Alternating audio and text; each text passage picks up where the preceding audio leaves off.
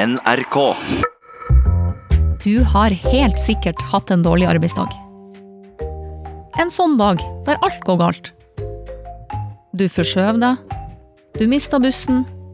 Du velta kaffe over hele tastaturet. Du rekker ikke deadline. Du sier noe dumt på et møte. Eller du slår en hammer i tommelen. Eller skaller hodet i et bilpanser. Eller så er du lærer og mister besinnelsen fordi en elev kommer for seint for hundrede gang. Klassisk drittdag. Men ikke vær lei deg. Tvert imot. For i denne programserien skal du få møte noen som har hatt det mye verre. Det her er Dårlig dag på jobben. I dag skal du få treffe tre stykker som har gjort en gigatabbe på jobb. Ja, jeg sier det rett ut. De har drete på draget, rett og slett. Og det må jeg bare få sagt. Historien vi skal begynne med, er så utrolig at man sjøl får lyst til å slå si egen panne i veggen. For det her, det er en kjempesmell. Huff, la oss gå i gang. Vi sier hei til en, eh, ja, litt uh, slepphendt person. Hei, jeg heter Heidi. Jeg jobber som journalist. Eller forsøker, i alle fall. Ja, er det ikke det vi alle gjør? Forsøk å gjøre så godt vi kan. Hun Heidi prøver altså å være journalist. Nærmere bestemt i Dagsavisen.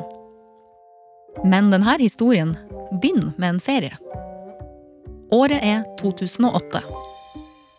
Jeg og broren min eh, var på en sånn backpack-tur i Afrika. Han hadde reist rundt en stund, og jeg skulle møte han i Uganda. Og Da hadde han allerede funnet eh, hostellet i Kampala der vi skulle bo, og det het Backpackers Hostel. Et klassisk backpackersted, som viste seg å være ganske hyggelig. Eh, så vi ble, jeg tror vi ble et par dager lenger enn vi egentlig hadde tenkt. For det var liksom, det var liksom en sånn, vi ble en sånn gjeng, vi som bodde der. Vi dro ut, og var en som spilte gitar. Vi hørte på han og var litt sånn heiagjeng for han. You're on the phone with your girlfriend. She's upset. She's going off about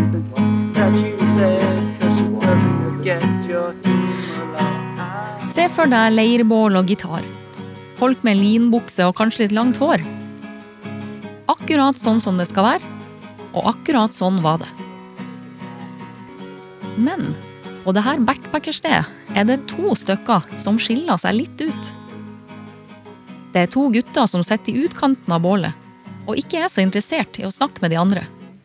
De var litt sånn hengslete typer, liksom. Sånn, og de gikk ofte i sånn militærklær. Ganske høye begge to. En med mørkt hår, en med lyst hår. Eh, og i litt sånn slitne T-skjorter og militærbukser. Ja, de så liksom litt sånn militante ut. Det viser seg også ganske fort at de her to guttene er norske. Og Torstein, broren min, jeg syns det var vet ikke, Vi gjorde det som nordmenn flest. Vi begynte å snakke norsk til dem. Og de ville ikke snakke norsk tilbake. Eh, De bare lot som de ikke var norske. Så tenkte vi ok, greit. Det er ikke så farlig. Men uh, seint en kveld på et nachspiel så fortsatte jeg bare å snakke norsk og norsk og norsk og norsk til han ene. Eh, jeg tror jeg var ganske irriterende. Jeg snakka lenge til han på norsk. Han, han svarte på engelsk og sa han var britisk. At han het John.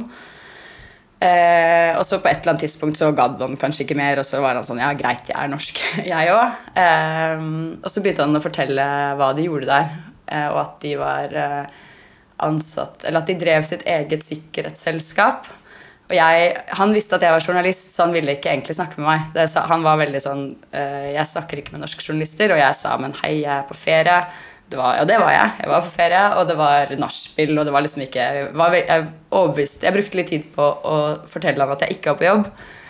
Eh, og så stilte jeg et par åpne spørsmål og sa nesten ingenting. Og så fortalte han. Og fortalte og fortalte om oppdrag de hadde hatt. og De hadde vært i en by kvelden før, og de hadde kommet hjem seint på kvelden, for motoren hadde brutt sammen, og de var fulle av gjørme, og det var, liksom, det var veldig mye action. Han forteller og forteller, og så sier han på et eller annet tidspunkt eh, at jeg er den smarteste nordmannen han har møtt. og jeg mistenker at det er fordi jeg ikke sa noen ting. Jeg kom ikke med noen innvendinger, jeg bare hørte på. Så da ble vi på en måte venner, da. Så han likte deg, altså? Jeg tror det. Vi fikk på en måte en litt sånn fortrolig tone etter hvert, da. Mm.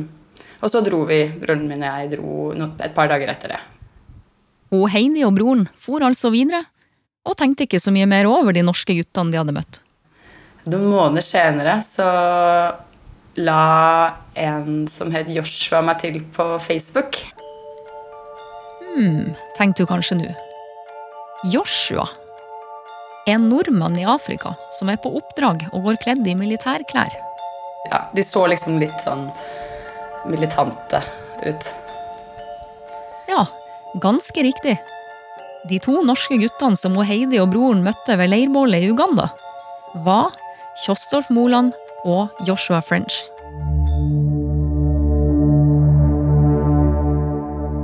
Men det er viktig å huske på at på den tida her var det ingen som visste hvem de var. Så da Heidi fikk venneforespørselen på Facebook, så måtte hun tenke litt først. Å ja, er det, er det John? Liksom? Er det John fra Uganda? Og der på Facebook-bildet da så var det så han så veldig sånn vanlig norsk ut. Da profilbildet hans tror jeg var altså han grilla i Frognerparken. Eller et eller annet sånn veldig uskyldig. Og Heidi godtar venneforespørselen. De har ikke noe særlig kontakt, men så skal Heidi, i regi av Dagsavisen, fære til Kongo. Jeg skulle være med Erik Solheim, som da var utviklingsminister, på en sånn pressetur. Så tenkte jeg må jo finne på noe eget. Jeg kan ikke bare dilte etter han. Hvem kjenner jeg i Kongo? Og så bare ah, Joshua. så, så sendte jeg ham en melding og liksom fortalte at jeg skulle dit, og lurte på om han hadde noen tips til hva jeg skulle skrive om. Ja, sier han. Han har absolutt tips til hva hun burde skrive om. Men de må møtes. Og ikke hvor som helst. Så vi eh, avtalte av en eller annen grunn å møtes på en parkeringsplass i Oslo sentrum. Der han ga meg en minnepinne, så sånn USB-stikk. Eh, og sa liksom Han var ikke så klar på hva det var der, men han sa liksom her er det, her er det mye juicy greier. det var i hvert fall mye informasjon på den minnepinna som han mente jeg burde gjøre god journalistikk med. Så jeg tok den bare med til Kongo.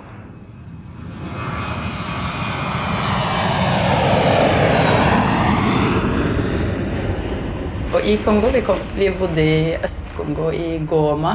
Der har det vært konflikt i mange mange år, og da hadde akkurat blussa opp en sånn stor eh, lokal konflikt der. Så vi bodde på et veldig fint hotell, for det er på en måte de sikreste, de sikreste hotellene. Og så var det på den tiden da det var alltid en laptop i resepsjonen på sånne hoteller. Og jeg husker Jeg kan ikke for mitt liv komme på hvorfor jeg tenkte at jeg skulle sjekke den minnepinnen i lobbyen. Men eh, det gjorde hun altså. Og Heidi satte seg i lobbyen på hotellet og stakk minnepinnen i maskina som sto der. En minnepinne fra Joshua French. Eh, og så skjedde det et eller annet. Jeg husker ikke hva. Vi måtte gå, vi måtte dra videre. Vi pakka sakene og dro til Kinshasa, til hovedstaden i, i Kongo. Og så innser jeg at jeg har glemt igjen den minnepinnen på hotellet i Goma.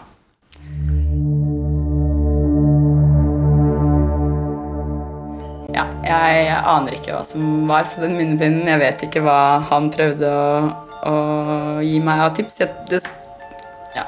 jeg har tenkt på det i ettertid bare, så mange ganger. Jeg, bare tenker sånn, jeg, jeg er verdens dårligste journalist. Altså, du får bare du får det inside liksom, informasjon på en minnepinne av en leiesoldat.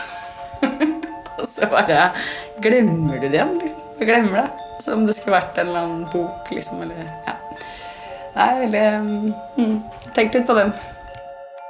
I en litt bedre verden kunne man sagt at historien om Heidi og Joshua French slutta her. Men eh, dessverre, må man vel kanskje si, gjør den ikke det. Nei, det slutter ikke der. Eh, dette har forfulgt meg lenge. Kanskje ett år senere. Da har broren min eh, vendt tilbake til Afrika. Han har flytta til Senegal for å studere. Og jeg skal på besøk, da. Og jeg er på vei ned Jeg har mellomlanding i Paris. Og så får jeg en telefon fra et ukjent nummer. Jeg husker jeg sånn går ned eh, midtgangen i flyet og bare litt sånn Skal jeg ta den eller ikke? Og der er det en fyr, en veldig insisterende fyr, som sier at to nordmenn er i trøbbel. Jeg var litt sånn eh, Ja, ok. Eh, Hvem da? Hva? Hvem er du? Og så sier han Han sier vel John og Mike, da, som var de navnene de brukte på den tiden. At John og Mike er tatt av politiet i Kongo, og at de trenger min hjelp som, som norsk journalist. Og jeg var litt sånn der, eh, litt skeptisk og litt over, overraska. Jeg, ante ikke hvem den fyren var, og han nekta å si hvem han var. Men han var veldig insisterende, og det var helt tydelig at noe hadde skjedd. Men da eh, må jo jeg legge på, for flyet skal ta av. Så jeg sender han eh, nummeret til min sjef. Legger på, tar av. Lander eh, noen timer senere i eh, Senegal og ser da TV 2, breaking news. To norske menn fengslet i Kongo. Eh, så tenker jeg sånn Fader. Der, her kunne vi, min lille avis, vært liksom først ute med den gigastore nyheten som skulle dominere bare nyhetsbildet i måneder og år som kom. Men eh, det gjorde vi ikke. Den fikk TV 2. To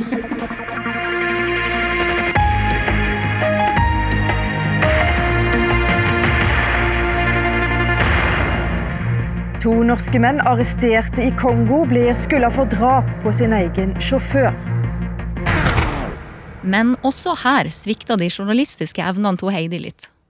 Det var nemlig ikke TV 2 som var først ute med Kongo-saken. Det var Dagbladet. Nok en gang må Heidi tenke følgende om seg sjøl. Jeg er verdens dårligste journalist. Og den dag i dag er det sånn at hver gang noen nevner Kjostolf Moland eller Joshua French, så krymper hun seg. Nei, jeg tenker at jeg eh, det ikke var noe høyde, høydepunkt i min karriere. For å si det mildt. Vel, vel. For ordens skyld kan jeg opplyse om at hun Heidi nå jobber i NRK.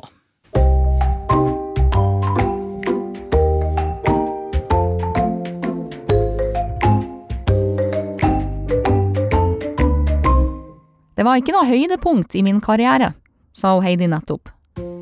Og akkurat det samme tenker nok nestemann i denne episoden. Nå skal du få bli med på et lager. Mange tror kanskje at det å jobbe på lager er en enkel sak. Å holde oversikt og passe på at alle ting er der de skal være. Og ikke minst, sørg for at ingenting blir ødelagt. vel, vel. Jeg skal ikke si så mye mer. Det her er han Marius. Når jeg var 17 år, så jobba jeg på Lefdal Elektromarked i Haugesund. Det var en deltidsjobb. Jeg studerte på videregående på dagtid, og så jobba jeg på kveldstid. Når skoledagen var over, heiv altså 17 år gamle Marius seg på sykkelen og susa av gårde til lageret til det som den gangen heter Lefdal Elektromarked. Det var veldig gøy, egentlig. Arbeidsoppgavene mine var egentlig levere ut varer til kunder. Det var å ta imot eh, varer som ikke fungerte, og så var det generelt holde orden på lageret. Ja. Så det var ikke så vanskelig jobb. Han husker det som ei veldig artig tid. Det var fantastisk. Altså, Lefdal ble etablert i Haugesund i 2008, men da var det liksom bare en stor gjeng med folk i tidlig i 20-årene eh, som ble leder av folk i slutten av 20-årene. Eh, så var det litt sånn Texas. Noen var strenge, noen var ikke strenge, og resten av gjengen kødda. Kanskje du som hører på, noen gang har jobba på et sånt sted. Et sted hvor det jobber en masse unge folk, og hvor det er en del tid til overs. Det var mye dødtid. Det som etter hvert bruker å skje da, er nok en klassiker. Det skjedde på lageret til Marius også. Og når det var dødtid og du er 17 og er litt sånn rastløs, så er det sånn hm, OK, hva skal vi gjøre nå? Det utvikla seg en spesiell type humor. Når det var rolig, så var det om å gjøre mest mulig faenskap med andre. Nettopp. Så jeg fant eh, en video for et par måneder siden, for jeg gjorde backup på gammel, gammel telefon. Og da fant jeg en video av at eh, vi hadde gjemt oss i gamle sånn TV-esker som hadde gitt ut til kunder, sånn, kunder som ikke vil ha det. En selger hadde solgt den TV-en der, og så hadde vi liksom gjemt oss oppi den TV-en. Og så når selgeren skulle gi den til kunden sin, så hoppa vi opp som troll i eska og bare Ja, du skjønner greia, ikke sant? Jeg husker at vi hadde sånne svære bobleplastruller. Diameter på halvannen meter eller noe. som liksom ligger som eh, rundballer bare utover. Jeg tror meg og en eh, kollega la ut eh, åtte stykker eller noe, som bare tok med rennefart og bare seilte over. Så det var veldig mye sånt, da. I tillegg til bobleplast og TV-esker er det en annen ting på lageret som er veldig fristende. På store lager har man nemlig ofte et spesielt kjøretøy. Nemlig gaffeltruck. Marius har egentlig ikke lov til å kjøre den, men rett som det er, gjør han det allikevel. Jeg hadde meldt meg opp til truckers, um, så tenkte jeg at jeg skulle lære meg dette her på egen hånd.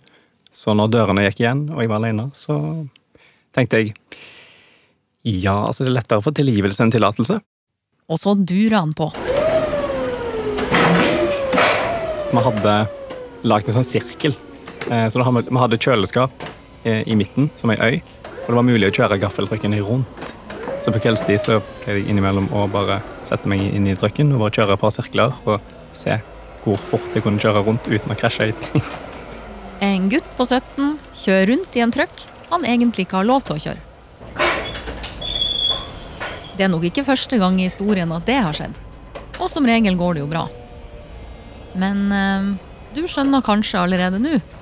Det gjorde det ikke fra Marius sin del. I bunn og grunn var denne dagen i 2008 helt vanlig. Det var en sånn typisk sånn eh, rolig kveld, og eh, tenkte jeg skulle rydde lageret. Vaske gjøre liksom shine opp lageret, sånn at sjefen, Dag Magne som han heter, kom på jobb dagen etterpå og tenkte fy faen, når Marius er på jobb, da blir det i gang. Da, liksom, da blir det ordna. Det var liksom målet.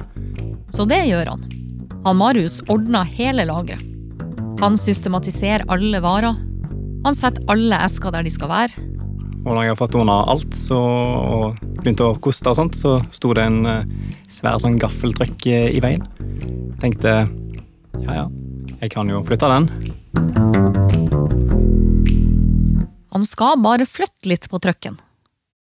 Men så klarer han liksom ikke å la være å ta noen ekstra runder med den.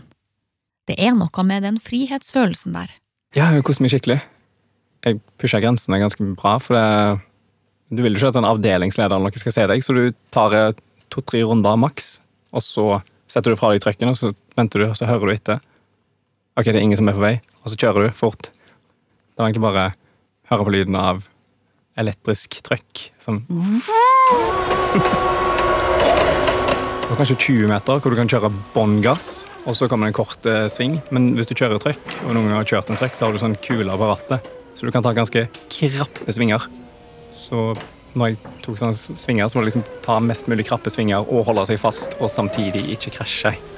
Og så var det stoppa opp, og så fikk du en kasten, og så fikk du nesten nakkesleng. Du håpte jo alltid på å få den skansen, Den derre liksom, Når du får den skrensen der på, på forhjulene, var helt nydelig. Det var kun på ett strekk du kunne kjøre fort, fordi på andre strekket da kom det folk inn ei dør potensielt. Så da måtte du liksom kjøre bånn gass først, ut av svingen, sånn som rallysjåfører gjør. Bremse før svingen, og så gasser du halvveis ut av svingen, og så må du bare slippe gassen og bremse før døren. Jeg husker som ganske heftig. Jeg hadde litt langt hår på den tida der i tillegg, så den flagra jo igjen. Det er vel litt som en runde og to med berg-og-dal-bane. Det føles ut som en evighet, men det er kanskje to minutter. Etter to deilige minutter parkerer han trucken. Løfter gaflene to-tre meter over bakken. Kjører helt inn til noen kolli med varer. Jeg kommer med centimeter klaring. Og gaflene ligger godt over disse pappeskene. Jeg går ut av trucken, slår av tenningen. Koster vekk siste greiene som var under trucken. Og klapper meg sjøl på skuldra. Fy fader, nå har jeg gjort en ekstremt god jobb. Nå har jeg satt på plass alle varene, jeg har kosta vekk alt støv. Nå skinner laget her, liksom. Dag Magne kommer til å komme på jobb i morgen og bare Fy fader. Han der. Han må jeg ta vare på. Så går jeg hjem, sover godt, går på skolen dagen etterpå. Lever livet som en eh, 17-åring som ikke har noe ansvar og ikke noe å tenke på i hele tatt. Ferdig på skolen klokka tre, kjører på Lefdal, spiser med noe mat før jeg skal på skift. Går ned i arbeidsantrekk, piper meg inn på lageret. Skikkelig sånn Yes, nå. Før Dag Magne forsvinner hjem nå, så kommer jeg sikkert til å få en liten sånn ja, bra, bra jobba, Marius. Det var liksom det jeg hadde lyst på. Litt sånn bekreftelse. Første som møter meg, er en kollega som heter Dennis. Han kommer bort til meg og lager sånn uh, uh. Han lager stor O med ansiktet. Så ser jeg på han og tenker hvorfor, hvorfor lager du dette? Og så kommer han gående mot meg og bare Flytta du trøkken i går? Jeg bare Ja. Ok. Um, kan du bare bli med meg? Og vi går nedover den lille gangen vår. Uh, forbi servicekontoret, forbi alt. Og jeg ser trøkken står der. Jeg plasserte den i går. Men gaflene er ikke tre meter over bakken lenger. De er kanskje en halv meter over bakken. I løpet av natta så er det noe med oljetrykket som tydeligvis er feil på den trøkken, som har gjort at gaflene på trøkken har sunket.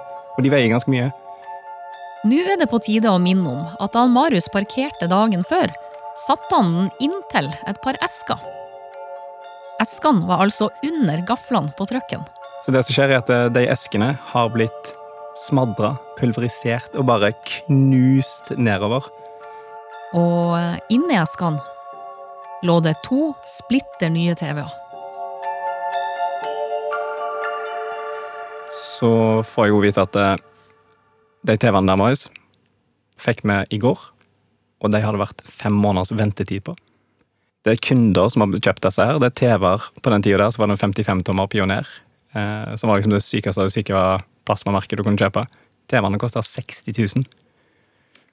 Så det ble altså 120 000 kroner. Det var det jeg ødela for. Jeg hadde aldri sett for meg at det der skulle skje. Det, liksom- det, det var umulig. Det kunne ikke ha skjedd. Jeg trodde nesten ikke på det når jeg så det heller. Jeg måtte liksom bort og ta på de og bare hvordan, har dette her skjedd? Det er ingen logikk. En TV kan alltid bestille seg opp på ny, og du kunne, eh, det hadde maks vært et par, par eh, dagers ventetid. Men dette var TV-er som det var fem måneders ventetid på, og det var ventelista. Det var liksom bare det verste som kunne skje. Av alt på hele lageret der, så klarte jeg å ødelegge det dyreste med lengst ventetid på. Når jeg går nedover gangen der, og jeg ser trøkken, og jeg begynner å se konturene av at det, liksom, det, det er faktisk to pulveriserte esker her, liksom, som er så moste som det faktisk går an å få. Først så liksom, går det kaldt nedover ryggen din, men samtidig så føles det ut som hele ansiktet ditt bare hovner opp, og bare, du, du blir så rød. Jeg husker liksom at det, det ble en sånn eh, høy pipelyd, nesten sånn tinnitus-lyd, og så bare Ja. Hva skjer nå? Ja, det som skjer nå, er at sjefen, han Dag Magne, kommer ut fra kontoret sitt. Han sa ikke så mye. Jeg, jeg tror han var så sint at han ikke klarte å få ut ord. Det er nesten verre. Han Dag Magne er så sint at han Marius blir nødt til å gå på varesjefen sitt kontor i stedet. Det er som å gå til rektor. Jeg kommer opp, Jeg banker på, han sier 'kom inn'. Setter meg ned i stolen. Jeg er sånn Ok, nå, nå ryker jobben. Det er no mercy her. Han sitter og skriver litt på Svarer sikkert på et par mail eller et eller annet på meg skjermen. Eh, før han snur seg til meg og lener seg tilbake og bare 'Det skal ikke skje igjen, dette her'. Jeg bare 'Nei, det skal ikke skje igjen'. Han bare 'Ok'. Han Marius mista altså ikke jobben. Det han derimot mista, var sitt gode navn og rykte.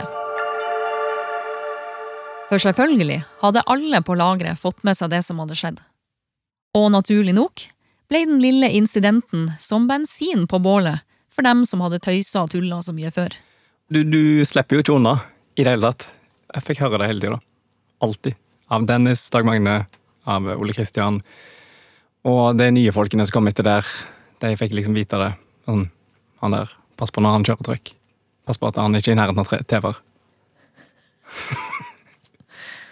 og eh, jeg husker det var en avdelingsleder, alltid når han så meg og trøkk, som han Pass deg for TV-en, Marius. Du skal ikke hente TV-en, da? Pass deg for TV-en. Jeg fikk diplom på julebordet for den største blemma som noensinne har blitt gjort i Lefdals historie, liksom. Og hvis jeg møter på de rette folkene den dag i dag, så kan jeg fortsatt høre det. Det er åh. Så du fortsatte å kjøre trøkk? Jeg fortsatte å kjøre trøkk, sånn i smug. Veldig forsiktig.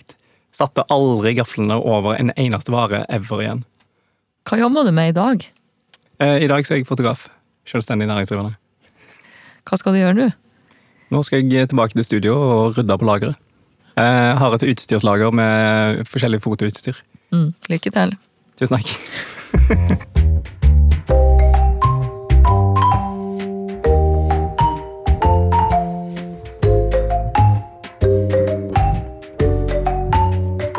Mens han Marius fortsetter å rydde på lageret, skal du få treffe dagens andre journalist. Som i alle andre yrker dreier også det her seg om å gjøre de rette vurderingene. Men det er jo ikke alltid så lett, som du snart skal få høre. Dagens siste gigatabbe ble gjort av en fyr som sikkert mange husker. Nemlig Jostein Pedersen, fra gode gamle Melodi Grand Prix, kjent for kommentarer som det her. Og Som vanlig så tror Sverige at de kan vinne, og denne kan faktisk komme høyt, for å være ærlig. Til tross for at det er en melkeblek ABBA-kopi nok en gang, og at Jessica på 29 og Magnus på 36 har mindre utstråling enn bokhyllen Ivar fra Ikea. Ja, en klassiker fra den gamle Grand Prix-generalen der. Men eh, noe du kanskje ikke har tenkt på, er hva Jostein holdt på med når det ikke var Eurovision. Og da kan jeg fortelle deg det, at på 90-tallet så jobba han en periode med innkjøp av TV-serier til NRK. Nå skal han sjøl fortelle om hva det innebar. Det betyr jo at vi eh, reiste veldig glamorøst verden rundt og så på under engelskspråklige underholdningsprogrammet. Han Jostein ble rett og slett invitert til Hollywood, rett som det var, for å se på piloter til nye TV-serier. En ganske digg jobb, må jeg si. Og jobben består i rett og slett å sitte i en veldig fin kinosalong. Og, og så ser du altså på eh, komiserier for det meste, og dramaserier, og, og så må du da der og da bestemme om er det her noe for det norske publikum, vil det her bli en suksess hos oss, det er nå én ting, og er det her noe som passer hos oss. Han Jostein skulle altså bestemme hvilke TV-serier NRK skulle kjøpe. Og det var en del å velge mellom. Ja, det er vel opp til en 10-15 slike episoder du ser i løpet av en dag. Så var det en gang han var i et av Hollywood-studioene, og det kom han for øre en ny sitcom. Alle som jobba i studioet skrøt av den, og sa at det her, det her kommer til å bli det neste store. Det her burde dere virkelig kjøpe.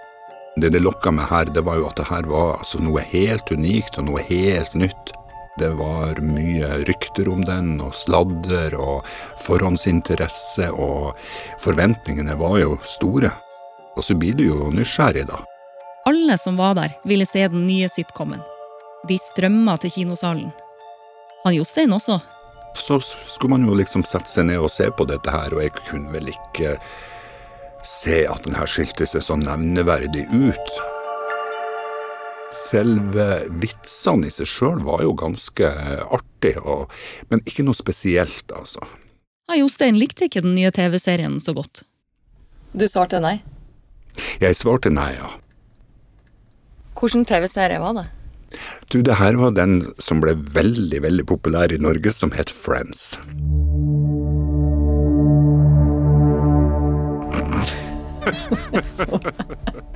Ja,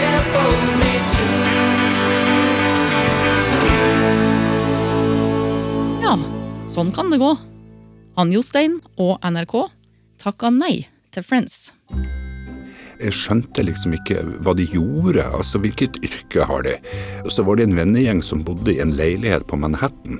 Og du vet, det er ikke billig, altså. Så tenkte jeg, hvordan i all verden har de råd til å bo på Manhattan? Og vi aner ikke hva de lever av, stakkars folk. Og alle var hvite, og alle var øvre middelklasse, og det hadde liksom gjort seg med litt sånn som du fikk litt smaken av New York, altså sånn som var litt sånn eh, realitetsorientert, og det var det ikke. Han Jostein syns rett og slett at Friends var litt urealistisk. Når man tenker over det, er det kanskje litt underlig hvordan Rachel og Monica og Joey og den gjengen der får det til å gå rundt økonomisk. Og det vi hele tiden må ha i, i, eh, i bakhodet, det er jo altså Vil min seer på Sunndalsøra forstå dette her? Og da var svaret nei, vet du hva, du vet ikke hvordan det er å bo i leilighet på Manhattan. så, så da var avgjørelsen enkel, altså. Han Jostein for til England og kjøpte en TV-serie der i stedet. Og med det gjorde han også ei god gjerning for NRK sin nynorskkvote. Det var nemlig jeg som kjøpte inn med hjertet på rette staden.